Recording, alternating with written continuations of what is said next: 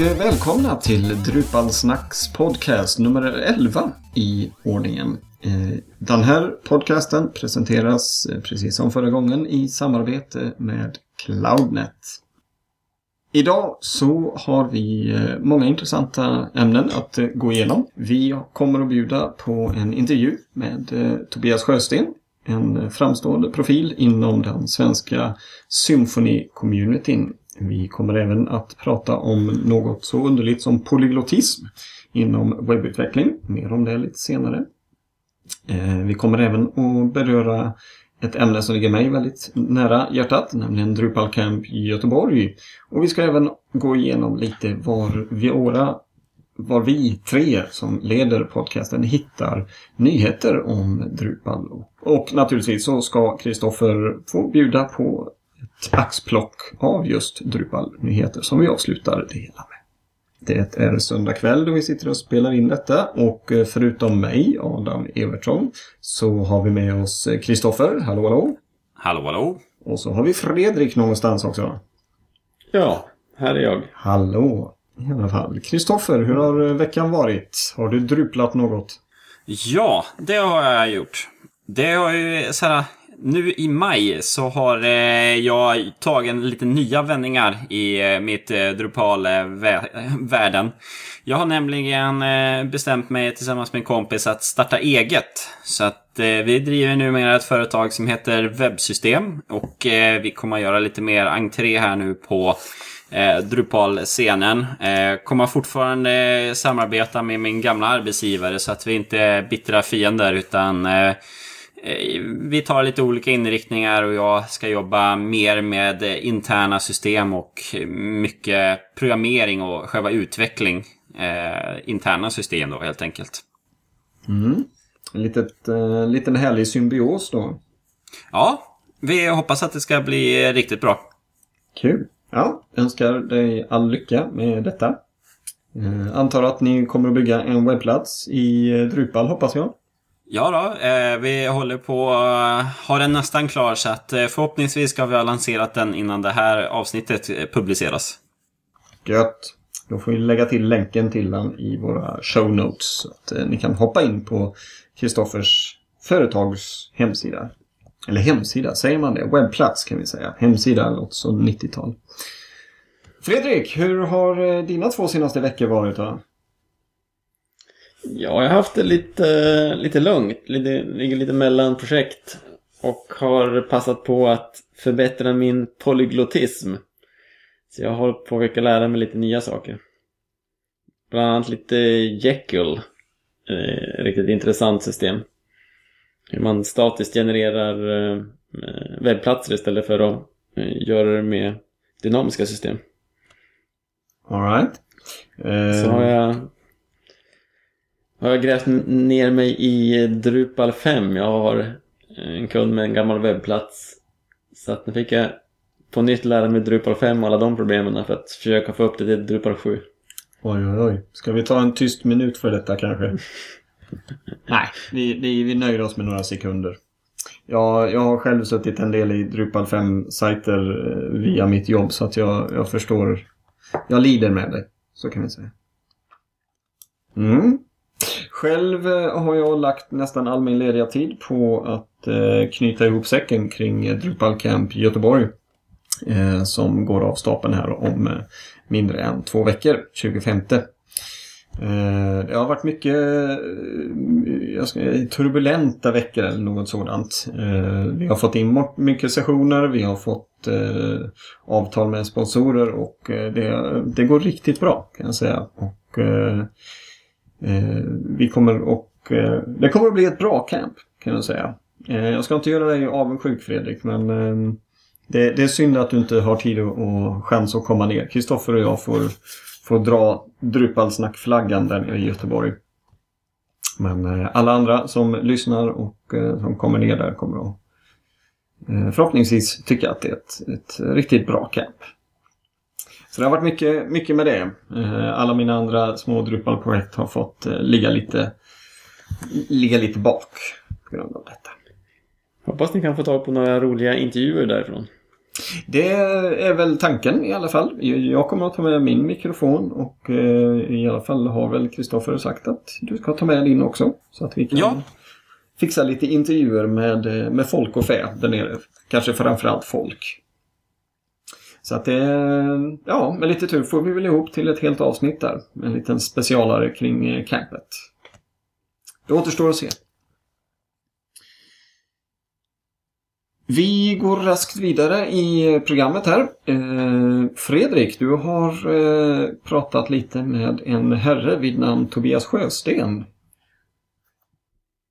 Ja, precis. Jag hade en riktigt trevlig intervju där vi pratade om symfoni och symfoni-communityn i Sverige och om polyglottism lite på slutet där. Så jag tycker vi tar och rullar den intervjun. Ja, då har vi Tobias Sjösten här med oss idag. Hejsan Tobias! Hallå, hallå. För er som inte vet så var Tobias med på senaste Drupal Camp i Stockholm och föreläste om symfoni. Och vi ska prata om varför symfoni och- är viktigt i och med Drupal 8. Och det var precis det han tog upp. Han gav oss alla en introduktion i Symfony. Men kan ju börja med att berätta lite vem du är Tobias. Okej, jag är en ganska typisk webbnörd skulle man säga. Eh, jag har hållit på med webb och programmering sedan jag var 12 år gammal ungefär och fick min första dator. Jag har pysslat med, med Drupal sedan eh, 2008. Hållit på med webb och programmering i stort sett hela mitt liv nu. Och varför började du med Drupal just? Ja, Jag började med Drupal för vi hade ett egenutvecklat CMS inom företaget där jag jobbade. Och sen kom det in en säljare från .NET Nuke som skulle sälja på sig sin mjukvara. Och jag tyckte att det där var helt horribelt. Så jag kände att det måste finnas någonting bättre än, eh, än .NET Nuke. Så jag kollade runt och hittade lite, lite mer Joomla, lite Wordpress tror jag fanns då också. Eh, och Drupal. Och efter lite utvärderande så föll jag för Drupal. Och sen någon månad senare så sa jag upp mig från det företaget för att satsa fulltid på att bli Drupal-frilansare. Så då var jag, då jag biten. Och sen hamnade du på Node One, det som är Wunderkraut nu för tiden. Just det, jag var en av de första anställda där innan, innan de slog ihop till Node One. De hette webbredaktören då tror jag. Ja, ja, så, så tidigt ja. Just det. Så där var jag kvar och jobbade ett år. Så det var otroligt lärori- lärorikt att få lära sig av de, de som hade hållit på med Drupal ytterligare lite längre och varit professionella som konsulter en längre tid. Sen hamnade du på kollegorna om jag minns rätt. Ja, precis. På Eller Node One du så startade Ja. kollegorna kanske? Exakt. På Node One så träffade jag Victor Miranda. Som vi klickade och kom jättebra överens. Så vi bestämde oss att vi hoppar av Node och så startar vi vår egen webbyrå istället. Som är, det är väl ganska vanligt i den här världen. Så vi startade kollegorna. 2009 var det tror jag. Och sen efter ett tag så anslöt sig Per Sandström också. Så vi var tre stycken som drev kollegorna och gjorde massa roliga webbprojekt tillsammans. Men nu för tiden är du eh, nystartsföretagare, eller vad man kallar det. Ja, precis. Jag tröttnade lite grann på att eh, bygga webb åt andra. Eh, så jag kände att det vore, vore kul att bygga någonting själv. Och eftersom jag är stor tv-seriefantast, tittar på alldeles för mycket tv-serier för mitt eget bästa, så bestämde jag mig för att bygga en produkt, en tjänst kring det. Eh, så vi, jag och Viktor startade tillsammans då, Smartburk som är en tjänst för att hjälpa dig att hålla koll på dina tv-serier och få lite nya tips och ja, kunna nörda ner sig ordentligt i tv-serier helt enkelt. Och den har du byggt med Symfony, har jag för mig att du nämnde. Jajamän, precis. Vi har diskuterat det där fram och tillbaka, jag och Viktor, och beslutat mellan Symfony och Drupal. Men valet föll på Symfony, så det, det är det vi har byggt på nu. Då passar det bra att berätta om vad är det som gjorde att eh, Symfony är så bra för sådana här saker. Eh, Ja, vad är Symfony till att börja med? Ja, Symfoni var tidigare ett, ett ramverk eh, och det är väl så många känner igen det. Eh, men i och med för, förra sommaren tror jag det var som Symfoni 2 släpptes så är Symfoni numera en samling med fristående komponenter. Så de här komponenterna, det de har gjort är att de har tagit det gamla eh, ramverket, bryter ner det i så små beståndsdelar som de kan och byggt istället fristående komponenter av det. Så de här komponenterna kan du ta, du kan plocka de delar du vill och bygga ditt eget ramverk. Då Symfony-projektet har även satt ihop många av de här delarna till, till ett befintligt ramverk som heter Symfony Standard Edition. Så du kan ladda ner ett färdigt ramverk som består av de här komponenterna och sen därefter kan du plocka bort några komponenter, lägga till några egna komponenter, ta komponenter från ett annat ramverk och bygga din helt egen produkt. Och anledningen till varför vi valde Symfony till smartburk är att istället, utöver, istället för Drupal då, som vi har mycket mer erfarenhet av, är väl att Drupal gör det väldigt enkelt att komma igång och bygga väldigt avancerade och coola grejer eh, snabbt. Men sen så får, når man ofta en punkt när man vill börja tweaka och justera och fixa till eh, login-processen så att den fungerar exakt som du vill ha den. När man når den punkten så kan jag känna att ibland Drupal börjar motarbeta den istället. Och motsatt till Symfony då, där du inte får någonting i början i stort sett, utan du får börja sätta ihop allting själv. Du har inte ens användarhantering till att börja med. Så när du väl når den punkten att du vill börja tweaka och fixa så blir det väldigt, väldigt enkelt i Symfony. Det är bara din egen kod som du ändrar? Exakt. Så du, man bygger i stort sett bara limkod för att klistra ihop de här komponenterna och sen så lite egna, egen businesslogik ovanpå det. Och du har varit lite aktiv i Symfoni Sverige också. Ja, precis. Jag var med och startade upp det tillsammans med några andra symfonientusiaster här i Sverige. Vi träffades på Symphony Day i Köln 2010, tror jag det var. Så träffade jag några andra svenskar där. Och så bestämde vi oss att vi borde såklart starta upp någonting här i Sverige. Så det har vi gjort nu och vi, vi kör mycket meetups på meetup.com. Och vi är drygt, vi gick över 100 strecket nu för några veckor sedan. Så det, det är väldigt kul. Det är många, många som är intresserade av Symfony nu för tiden, så det, det är kul. Jag tycker också att man märker att Symfony verkar vara en förenande sak i POP-världen. Den har ju varit väldigt splittrad innan. Exakt. Men med Symfony så verkar det liksom, inte att alla använder Symfony, men ändå att man på sätt kommer ihop i standarder och sånt. Och det är, det är någonting som är väldigt hoppfullt för POP-världen. För det är, som, precis som du säger så har det varit väldigt splittrat och Cake PHP-gruppen har utvecklat sina eh, formulärkomponenter eller sitt eget formulärsystem och Drupal har sitt och Wordpress har sitt och CodeIgniter och så vidare. Men eh, vi ser ju mer och mer en trend nu mot att man går mot standardiserade eh, interface och att man jobbar tillsammans och man bryter ner sina produkter. Det är lite mer jobb såklart. Det kräver en hel del mer tanke bakom arkitekturen men i gengäld så blir det så mycket bättre för hela, hela POP-världen.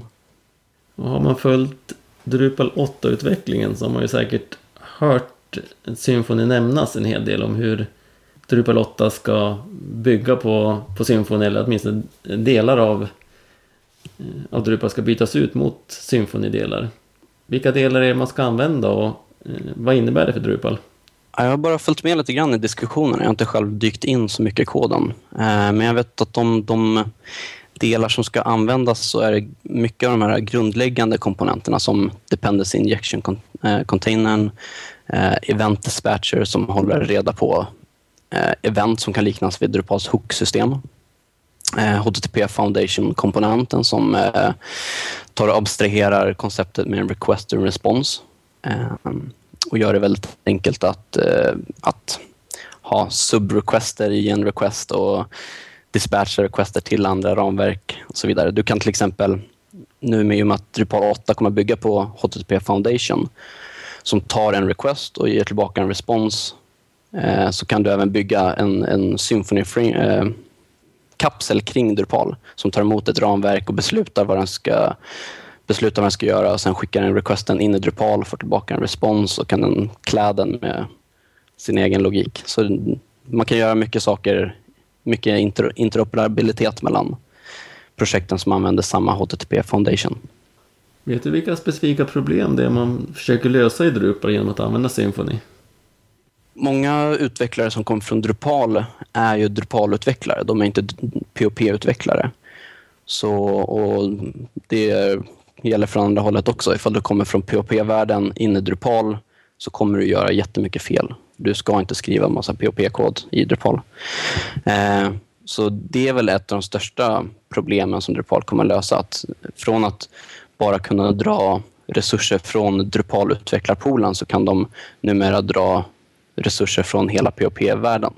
Alla som, alla som pysslar med POP och har någon erfarenhet av Symfony kan hoppa in i ett Drupal-projekt och känna till grunderna i det. Och det är den, den kunskapen bara växer och växer. Som sagt, det är väldigt många som är intresserade av Symfony och lär sig hela tiden. Sen har man ju också, sen har man också den lite högre kodkvaliteten om man ska säga i Symfony 2. Eftersom de har tagit sig friheten att skriva om allting i Symfony i och med Symfony 2 så har de lyckats göra det väldigt mycket bättre. Drupal har inte haft en ordentlig rewrite på väldigt länge nu så, och det syns i koden. Det är gamla, gamla paradigmer som ligger kvar där, mycket gammal kod, som mycket gammal teknisk skuld. Så det, det kommer Drupal bli av med numera. Du tror att eh, prestandan kommer att förbättras? Definitivt. För Drupal 7 var faktiskt, eh, även om Drupal 7 var enklare att skala, så var det faktiskt snäppet eh, långsammare generellt än Drupal 6. Ja, så har det, så har det väl varit med många av de senaste Drupal-versionerna. Att det blir, det blir långsammare och långsammare, men det blir större och större möjligheter att göra det snabbare och snabbare. Men jag tror att i och med eh, den här grunden med Dependence Injection, HTTP Foundation och så vidare så kommer Drupal 8 att bli ännu snabbare än Drupal 7. Det det är jag övertygad om. För det är någonting som Symfony tar fasta på nu när, när hela idén går ut på att bryta ner det i komponenter. Och De här komponenterna kan man sen laserloada. Du laddar dem bara när de behövs. Med Drupal så har du ju boot, hela bootstrap-processen att nu så ska vi serva en request. Vi behöver ladda alla, alla filer vi känner till, alla moduler, allting vi behöver laddas. Vi behöver ansluta till databasen, hämta allt det här. Sen kan vi göra en liten request, besvara en liten request som bara sökt efter ett plus ett, eller vad man nu ska ha. Eh, I Symfony istället så laddar du bara de resurser du behöver. Så där blir det ju en enorm vinst. Mm. En sak som jag har redan stött på när jag försökt och porta över min eh, Colorbox-modul till Drupal 8. För Colorbox-modulen är ju en, men ett, ett wrapper runt eh, en jQuery-plugin som heter just Colorbox. Och det är, man, liksom tillagt mycket i en formaterare. Och formaterare nu för tiden är ju plugins i Drupal 8. Och då stötte jag ju på det här med eh, mappstrukturen för att lägga till plugins. Så att i min Colorbox-modul nu så har jag en mapp som heter lib. Och där finns det en mapp som heter Drupal och där finns det en Colorbox, plugin, field, formatter. Och där i en, två, tre, fyra, fem mappnivåer ner så ligger själva koden. Ja, då kom du kanske billigt undan dessutom. Vad är poängen med det här? Poängen med det där är ju att eh, det är just det modulära. Att du vill bryta ner det så små beståndsdelar som du bara kan. Därför att då blir det enkelt att byta ut bara de delar som du, som du vill. Eh, och då när man bryter ner dem i så små delar så får du väldigt, väldigt, väldigt många filer. Eh, då måste man börja strukturera upp dem. Så det där är ett pris som man måste betala och det, det är någonting som man säkert kommer att börja störa sig på när man börjar jobba med symfoni. Men när man väl förstår hur, hur saker och ting hänger ihop, vart de olika filerna ligger och så vidare, så det går snabbare och snabbare man kommer snabbt in i det där. Jag kan, jag kan förstå poängen med att man eh, inte vill ladda allting. Men jag vet Drupal 7, hela variable-tabellen laddas väl varenda gång. Oavsett vad man ska göra i Drupal så laddas den. Och tills nyligen så laddades väl varenda fältdefinition så fort man ska göra någonting med fält. Oj. Vilket de fick problem med ibland till Commerce-modulen som var en otrolig massa fält. Men jag tror nu med Drupal 7.2.2 så har de faktiskt fixat det. Så nu kör man per, eh, per bundle tror jag bara. Okej, okay. ja det är ju en förbättring. Och det var några meg mindre man behövde ladda varje gång. Ja, det, det gör ju mycket det där. Och det är ju en nackdel med att eh, generalisera och inte göra för mycket eh, assumptions. Som, som Drupal vill ju göra ett generellt ramverk. Eh, så då får man antingen, antingen får man göra det mer specifikt för att vinna prestanda och ta mycket beslut som kanske Wordpress har gjort. Eller så får man eh, tänka till en väldigt massa, vilket eh, Symfony har gjort. Och iterera framför allt. Eh, Symfony 1, 1, 1.1, 1.2, 1.4, de leder ju av sina sjukdomar såklart.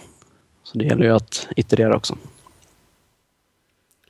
Du sa att innan att Drupal, när man är Drupal-utvecklare så är man ofta Drupal-utvecklare med stor D. Eh, och det passar in på mig själv väldigt bra måste jag säga. Jag kan betydligt mer Drupal än jag kan POP. Eh, men för oss då som, eh, eh, om jag pratar för mig själv, det här, det här med en, för Symfony är helt objektorienterat. Ja. Så att alla de här pluginsen är objektorienterad kod och sådär. Och för oss som inte är riktiga programmerare utan bara fuskar.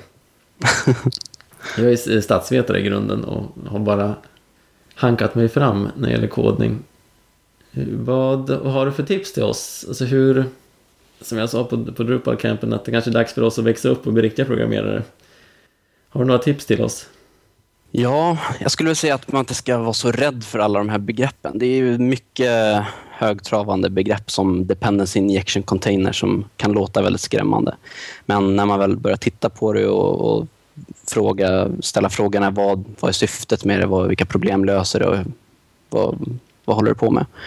Så, så blir det så mycket enklare. Eh, och just i objektorienterade världen så med alla design patterns eh, och lösningar som finns och, och best practices så finns det väldigt mycket termer som kan låta skrämmande. Men eh, det, det är bara att bita ihop och försöka titta på vad, vad ligger bakom det här. Så kommer det bli förståeligt, det tror jag. Sen finns det ju, jag skulle definitivt rekommendera att börja läsa, läsa lite böcker. Det finns eh, jättemånga bra böcker för POP, objektorienterad POP. Eh, Pro PHP, PHP in Action till exempel. De jättebra böcker som man som man kan, som man kan läsa. Måste lära sig nya saker med andra ord. Ja, precis. Mycket, mycket kul framför er som inte är så insatta med andra ord. Du nämnde förut att ni gjort en avvägning på erkänd smartburk om du skulle köra Drupal eller Symfony. Har du någon, några generella regler eller råd när man, Eh, när man borde välja Symfon eller något liknande och när man ska välja Drupal? Ja, jag skulle vilja säga att man ska kolla på eh, maintenance-delen. När, att bygga en app är inte jättesvårt. Eh, det svåra kommer när den är sjösatt och när den ska vidareutvecklas och när den ska underhållas. Och den tiden som den ska underhållas är oftast avsevärt mycket längre än tiden som det tar att utveckla appen. Så kolla på gruppen som ska maintaina eh, kolla hur miljöerna ser ut och förutsättningarna ser ut. Om det är en app som ska göras snabbt inte vidareutvecklas mycket utan bara användas. Eh, då är Drupal ett otroligt mycket bättre val än, än Symfony. Om det är istället har en grupp med POP-programmerare som eh, ska bygga en app och underhålla den de kommande fem, kommande fem åren, då skulle jag säga Symfony. Så det är en avvägning där jag skulle säga kolla på vilka som ska underhålla den. Så vill man ha upp någonting eh, snabbt som ska fungera, då är då Drupal. Men ska man ha någonting som ska fungera länge och man har riktiga programmerare, då kör man Symfony. Ja, det är väl en bra sammanfattning. Mm, jag, kan, ja, jag förstår precis eh, tankegången.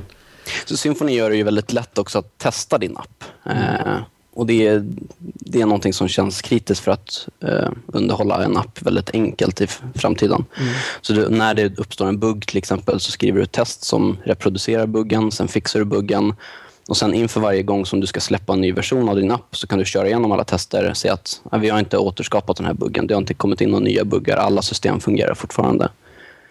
Och det är någonting som sen jag lärde mig Symfony 2 och började bygga i Symfony 2 så varje gång jag sätter mig med en Drupal-app så är det där någonting som jag verkligen saknar. Att bara kunna köra igenom alla tester, allt, se att allting fortfarande fungerar. Det går ju, det går ju naturligtvis att testa i Drupal också med sitt simple test-system men det, det går inte att jämföra hur enkelt och hur mycket bättre det är i Symfony. Någonting mer som du skulle vilja tillägga kring Symfony och Drupal eller någonting annat Drupal-världen? Ja, jag skulle väl vilja ta det här ett steg längre. Med, eh, för min egen del nu då, så började jag med POP, lärde mig Drupal, har gått vidare på Symfony och även börjat titta på en mängd andra språk som Python och Haskell och så vidare. Eh, och det där, det där är någonting som jag tycker att man som utvecklare borde sträva efter att, att utveckla sig själv hela tiden. Så för min egen del, så jag skulle jättegärna gärna titta mer på Ruby on Rails, kanske dyka in lite grann mer i Django eller någon Spring-ramverket i Java och så vidare. Det, det tror jag är jättenyttigt för varje ny teknik och varje ny ramverk som jag lär mig så märker jag att jag blir så mycket bättre på de som jag redan kan. Så det är ett, ett tips. Man kanske ska försöka ha en karriär efter Drupal också. Precis. Inte lägga alla ägg i en korg.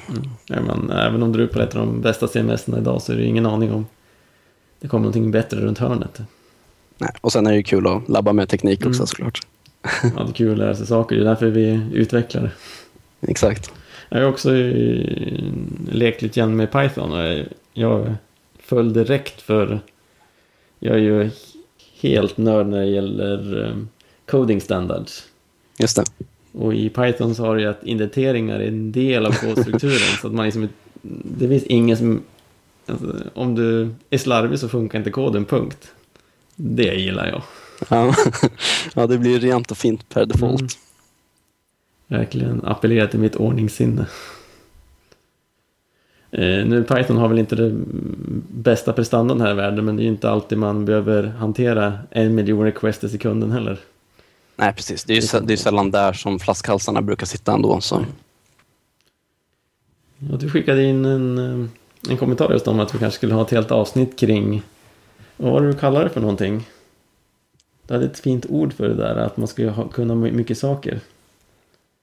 Ja, hade jag det? Just det, det hade jag ju. Och nu står det helt stilla såklart.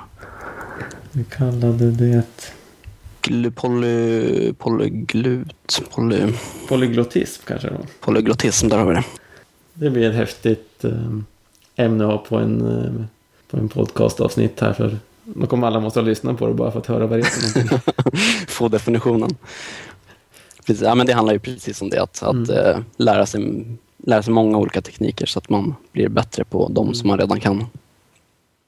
Men hur känner du med det? För att jag pratade med, eh, hade intervjuade Johan Falk här innan. Han jobbar ju som lärare nu för tiden. Just det. Så att han har ju liksom, måste lära sig en massa nya saker. Han känner ju redan att han börjar på komma på efterkälken när det gäller Drupal. Och han säger, vad händer när Drupal 8 kommer? Han kommer aldrig hinna bli lika bra på Drupal 8 som han är idag på Drupal 7 efter han har ju tills nyligen jobbat som Drupal-utvecklare.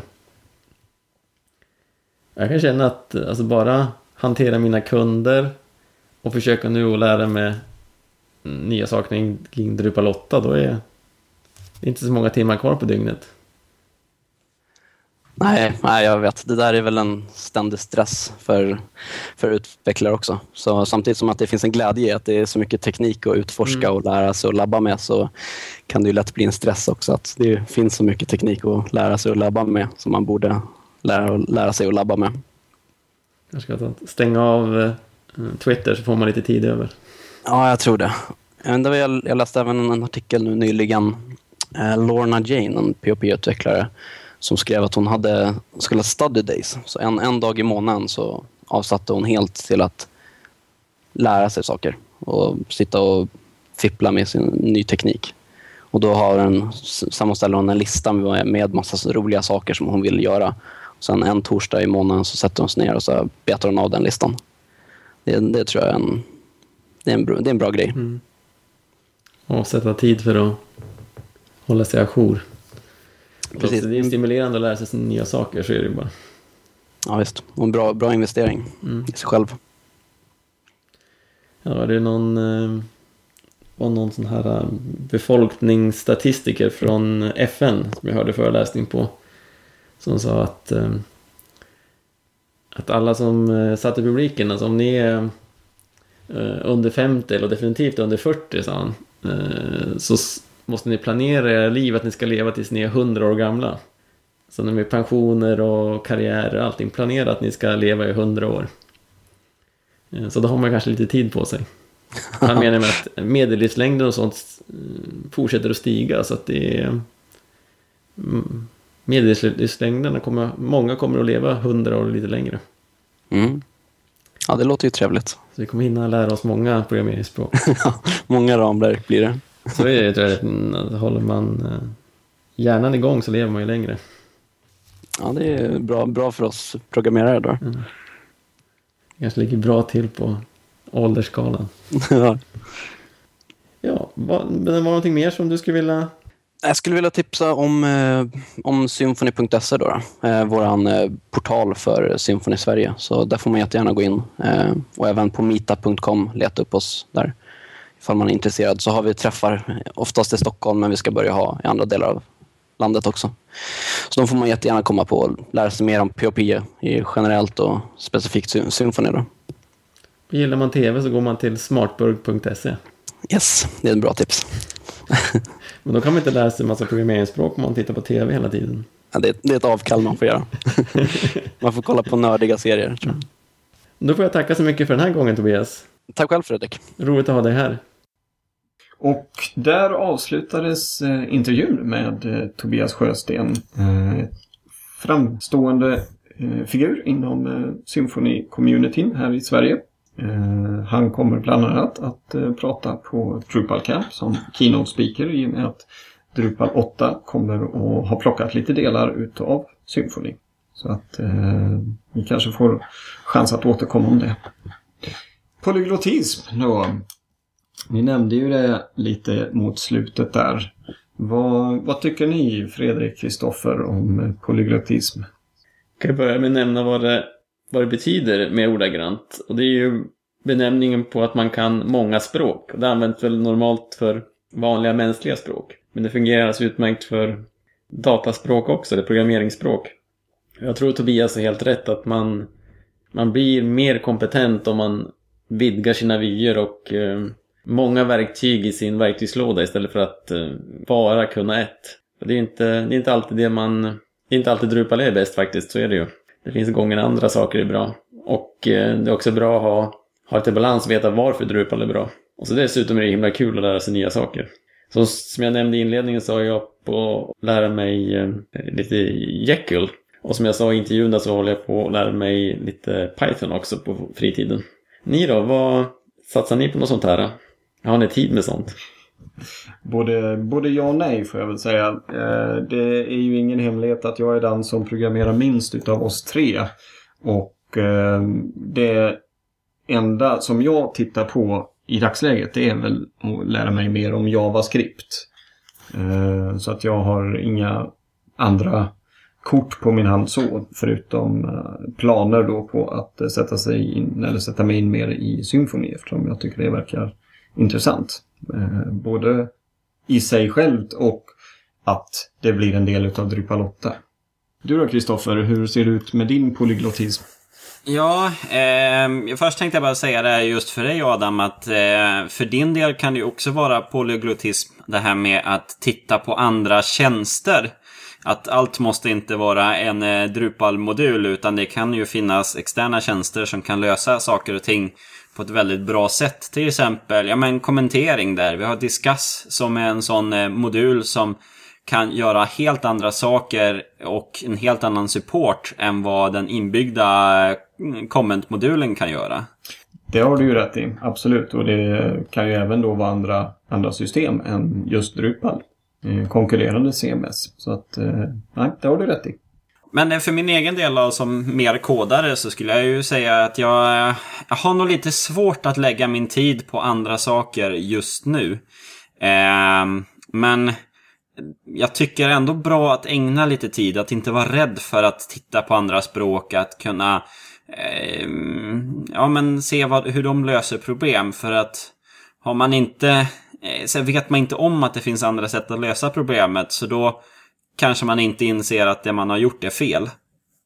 Och um, så därför så, ja, jag tycker det är ganska bra. Jag, jag har ju suttit lite grann senaste tiden och skrivit C-program.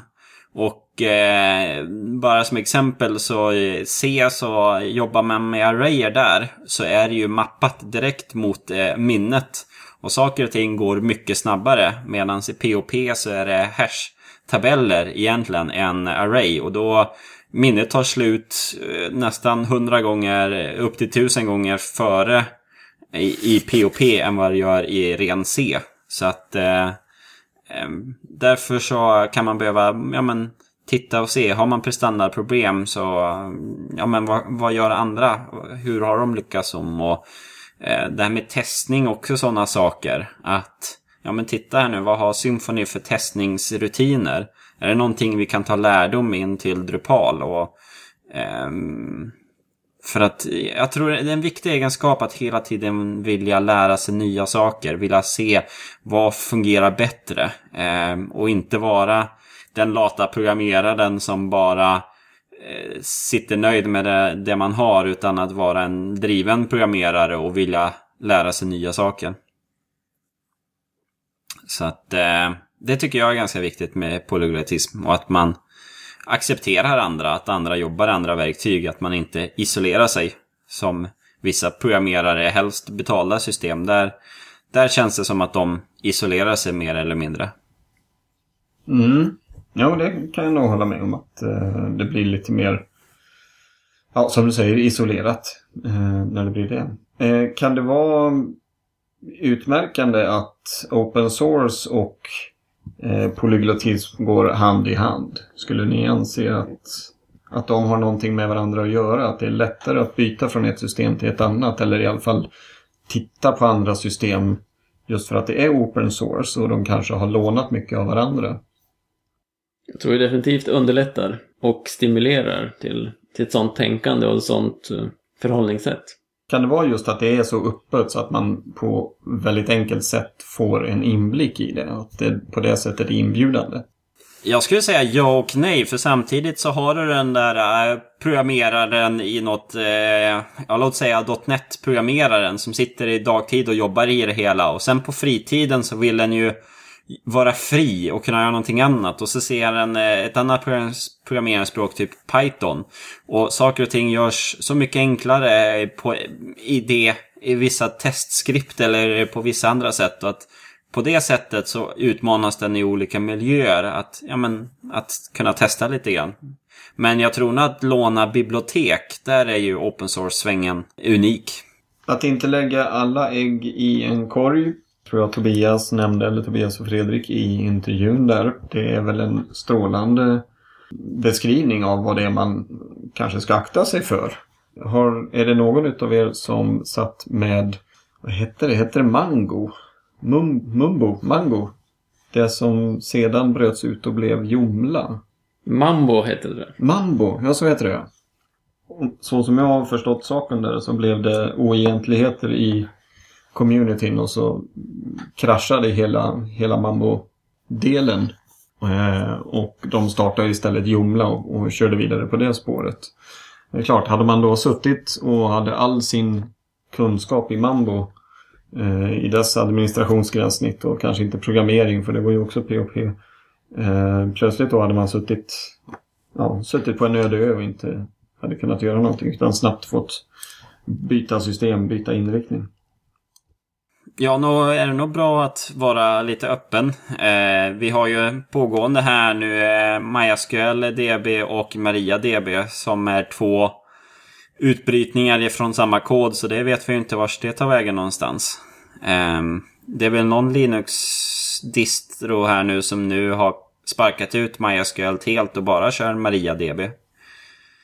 Um, right. men, mm.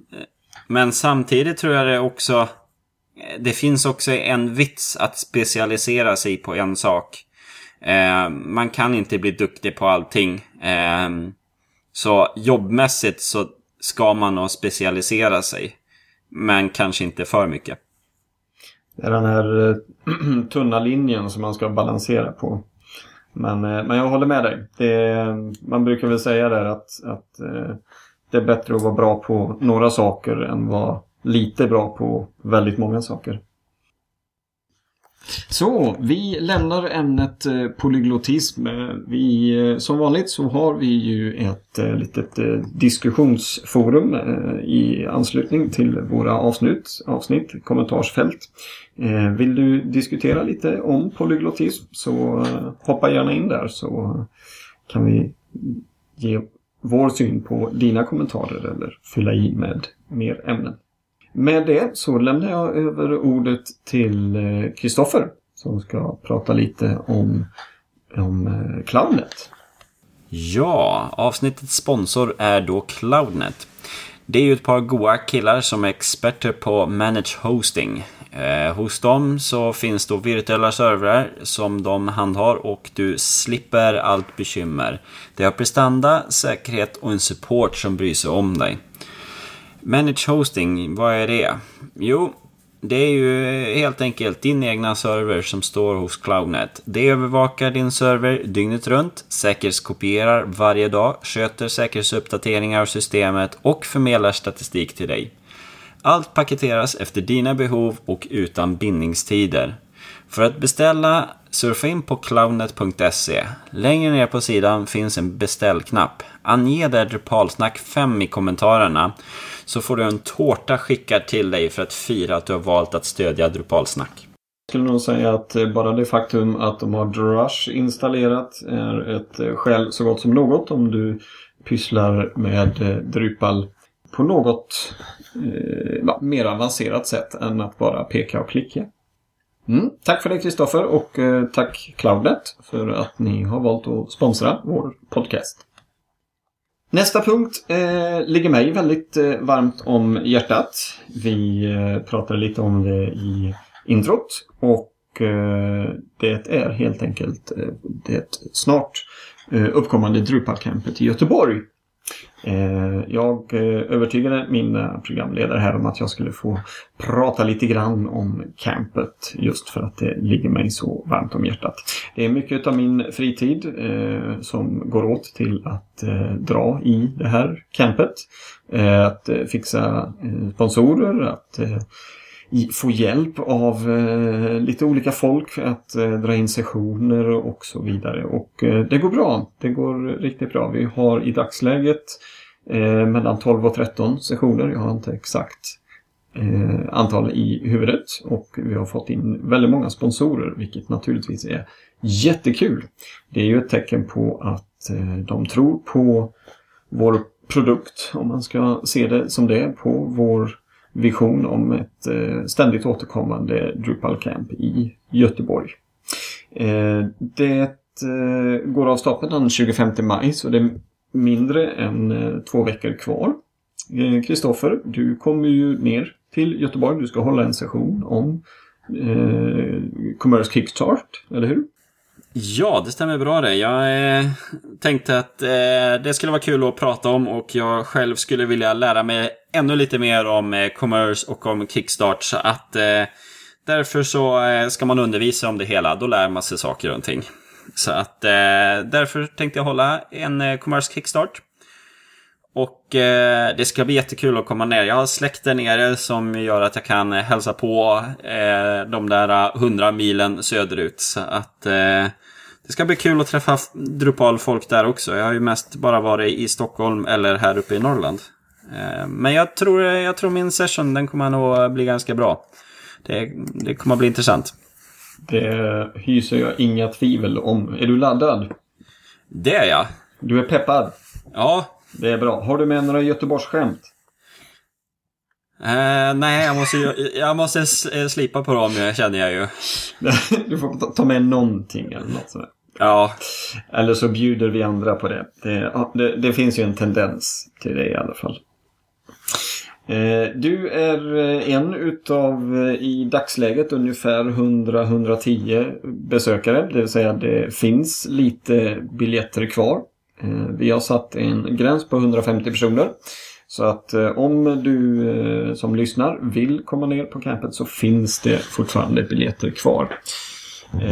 Eller så är det så att när det här går online om några dagar så, så finns det inga biljetter kvar. Enklast enklaste där är helt enkelt att hoppa in på vår campsajt, drupalcamp.se. Och, och se om det finns några biljetter kvar. Så, med det tackar jag för, eh, för den här lilla promon eh, och eh, går vidare till nästa punkt i vårt program. Drupal-nyheter och information om Drupal. Fredrik, Kristoffer, var, var hittar ni er eller vad är er främsta källa till Drupal-nyheter och Drupal-information? Vad säger du Fredrik? Ja, jag skulle säga att det jag ser mest saker är nog på Drupal Planet. Mm. Det är där min, eh, min huvudkälla till ny Drupal-information kommer. Drupal Planet finns på, om jag minns rätt, drupal.org snedstreck drupalplanet. Eller om det är bara Planet till och med. Det är ju sådana saker som vi nu är jätteduktiga på att kolla upp i förväg. För att vi har bara satt in det i våra RSS-flöden och sen bara fungerar det. Så att ja. det är inte att man behöver surfa in där hela tiden utan det bara kommer en stridström.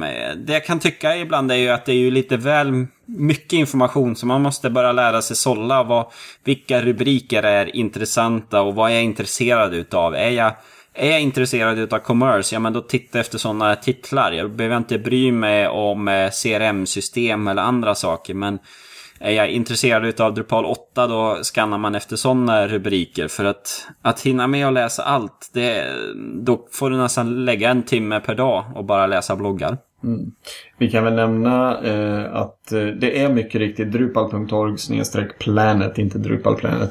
Eh, drupalplanet är alltså en eh, sammanställning av blogginlägg från både privatpersoner och eh, företag som aggregeras ihop och skickas ut och kallas då Drupal Planet.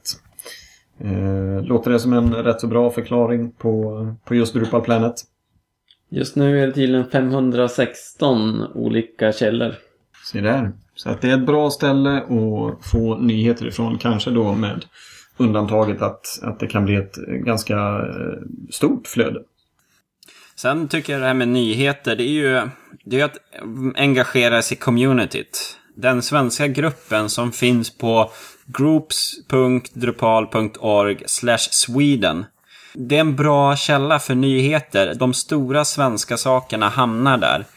Eh, det finns också lite frågor och svar där man kan se vad andra jobbar med. Men just de här stora sakerna som Drupal Camp eh, i Stockholm och Göteborg och den som eventuellt skulle bli i Karlstad och vi i Drupal eh, Norr, vad vi har för träffar. Det är ju där man hittar den informationen. Så att det är en jätteviktig del att finnas där Eh, om man, för den svenska scenen.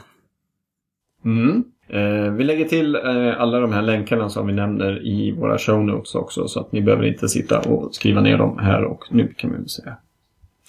Eh, Just uh, Groups Sweden för Drupal, den har faktiskt över 1100 medlemmar.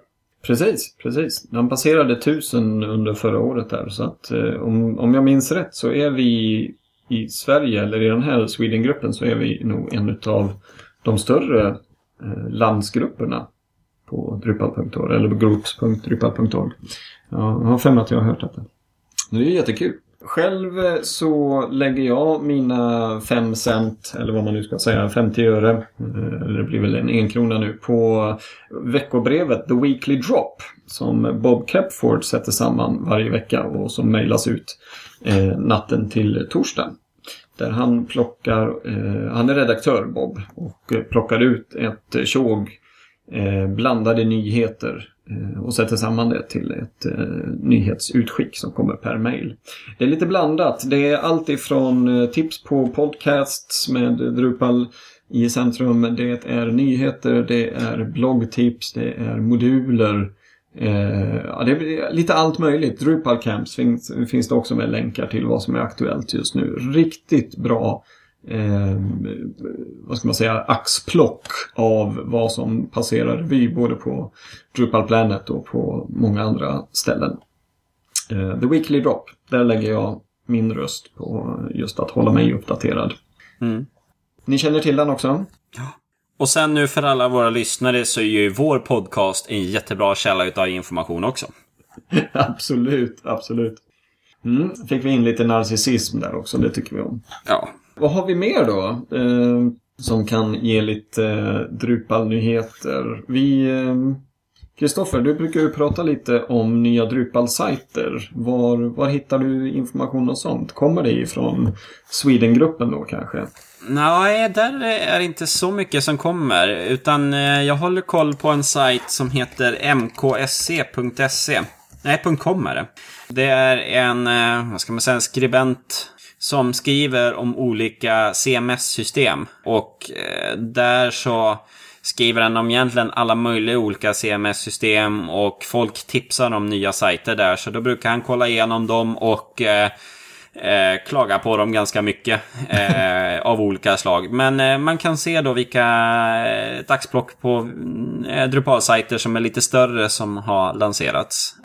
Ja, det är ju det är alltid kul när man också tittar på andra IT-flöden. Typ eh, IDG är en sån svensk nyhetssida. Eh, där, eh, när det dyker upp Drupal då eh, läser man ju lite extra och tycker det är kul att eh, Drupal får lite PR. Så att... Eh, ja, jag, jag läser lite allt möjligt som har inom data att göra. Men samtidigt så får man också rensa upp ibland att känna att nu har jag många flöden. Nu får vi ta fram eh, saxen och eh, kapa bort några.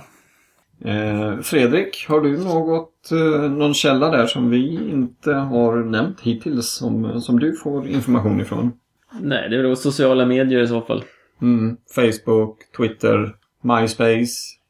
Twitter får jag rätt så mycket ifrån. Eh, jag följer eh, rätt så många Drupal-profiler och eh, får tips och, och tricks ifrån från deras eh, kvittrande så att säga. Eh, det är ju väldigt individuellt naturligtvis vilka man väljer att följa. Men eh, där hittar jag rätt så mycket smått och gott också. Eh, som ofta dyker upp i, i samma flöde där på Drupal Planet. Så att det går som hand i handske naturligtvis. Men en sak också när vi pratar om olika eh, flöden och sånt. Eh, Drupal.org har ju egna eh, mailinglistor. Jag eh, har skrivit upp mig på en lista för eh, säkerhetsuppdateringar. Eh, jag måste bara söka reda på vilken sajt man kommer in på. Det har varit ganska nyttigt tycker jag. Då får jag ett mail så fort en eh, modul har en säkerhetsbrist som eh, är publicerad och fixad. Då eh, dyker upp ett mail och säger att den här modulen är fixad. Det här är vad som har hänt. Eh, och den här... Eh, så här måste man göra för att... Eh, eller den här rättigheten måste användaren ha för att den ska kunna utnyttja eh, den här buggen. Så att eh, då får man mail om att vad som är bra att följa och inte. Så att eh, det kan jag också rekommendera. Eh, finns på drupal.org security. Där till höger så finns det möjlighet att signa upp, att följa dem, få mail om det hela. Så gott som något. Men då kommer det även om eh, moduler och, som, eh, och Core, alltså Drupal-projektet i sig. Ja, man kan välja lite grann, men jag har tagit allt. Ja, såklart. Det, det, man ska ju hålla koll på hela systemet. Så att säga. För er som eh, inte kastar er ner framför tangentbordet och, och kollar in de här länkarna så ska vi nu även bjuda på ett litet eh, nyhetsplock ifrån många av de här flödena. Så att jag lämnar med varm hand över ordet till Kristoffer. Ja. Nu är det sju nyheter som jag har valt ut här som jag tänkte dra lite kort. Det första är ifrån vår kära Drupal Association. Som har lagt ut lite hintar om eh, deras Drupal 7-uppgradering och vad som kommer hända. Eh, man har jobbat lite grann med issue-sidorna. Just nu så körs ju Drupal.org i en version 6. Och då editerar man... Eh, eh, man skriver en kommentar för att uppdatera status på en issue. Och det är någonting som eh, nya användare tycker är lite ologiskt. Så därför så håller man på att titta på lösningar att göra det bättre och hur filerna ska göra. Så att jag lägger en länk om det hela. Och för er som undrar hur det ser ut så kan man surfa in på http git7site.devdrupal.org Och sen loggar man in eh, med... Eh, det är en HT-access, så det är Drupal mm, som användarnamn och eh, Drupal som lösenord. Och då kan man sen titta på issues och se hur de kommer att se ut. Så det tyckte jag var lite intressant att se. Sen så har vi också ett blogginlägg som handlar om eh, hur går det tillväga att få sin modul publicerad på drupal.org. Med de olika stegen. Eh, hur, hur startas det och hur blir det ett sandboxprojekt och vad händer sen och hur blir det ett eh, riktigt stort projekt. Så att det var en liten genomgång för er som är intresserade ut, utav hur det fungerar som och om du vill komma in Eh, med en modul som du tycker är eh, grym, som du tycker ska in.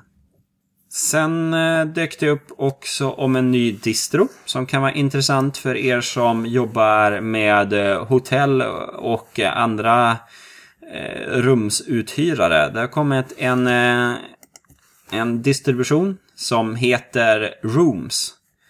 Den handlar om eh, rumsbokning och eh, för hotell och för bed and breakfast och liknande. Så det, det kan vara intressant om ni har någon kundcase. Sen eh, har jag tre poster här om, det är lite samlingsposter utav eh, nyheter. Det handlar, första handlar om eh, hur gör man med responsiva bilder och vad finns det för möjligheter där? Och tipsa lite grann om modulen Picture och Brainpoints. Och hur eh, man kan ställa in så att bilderna laddas in efter den eh, skärmstorlek man har istället för att ta den största eh, bilden och sedan skala ner den i vanlig HTML. Och när vi är inne på responsiva så var det Webbomelett som hade en eh, bloggpost om sju modules to help with your Drupal responsive design. Uh, och eftersom många nu gör responsiva webbar och Drupal börjar komma mer och mer så eh, var det här en, en trevlig sammanställning där man kan se om olika moduler som man kanske inte har koll på. Och sist men inte minst så var det en liknande sammanställning från eh, wearepropeople.com som heter Drupal 7 Menus, Trouble and Solutions. Där de listar olika problem och olika moduler som löser de problemen. Till exempel drop-down och att menyn ska komma ihåg var, vilken sajt du är inne på. Och vad händer om du har innehåll som eh, eh, som inte finns i menyn men det ska ändå vara markeras i menyn och så. Så att det var, en, det var en trevlig sammanställning där man kan få lite tips och råd om hur du kan fixa till menyn. Tack för de nyheterna. Ni hittar eh, länkarna till eh, de sidorna i våra show notes som vanligt. Tack för det Kristoffer. Med det så har vi nått eh, vägs ände för eh, dagens eh, Drupal-snack nummer 11 i ordningen. Vi tackar er som har lyssnat. Vi skickar också ett tack till vår avsnittssponsor Cloudnet.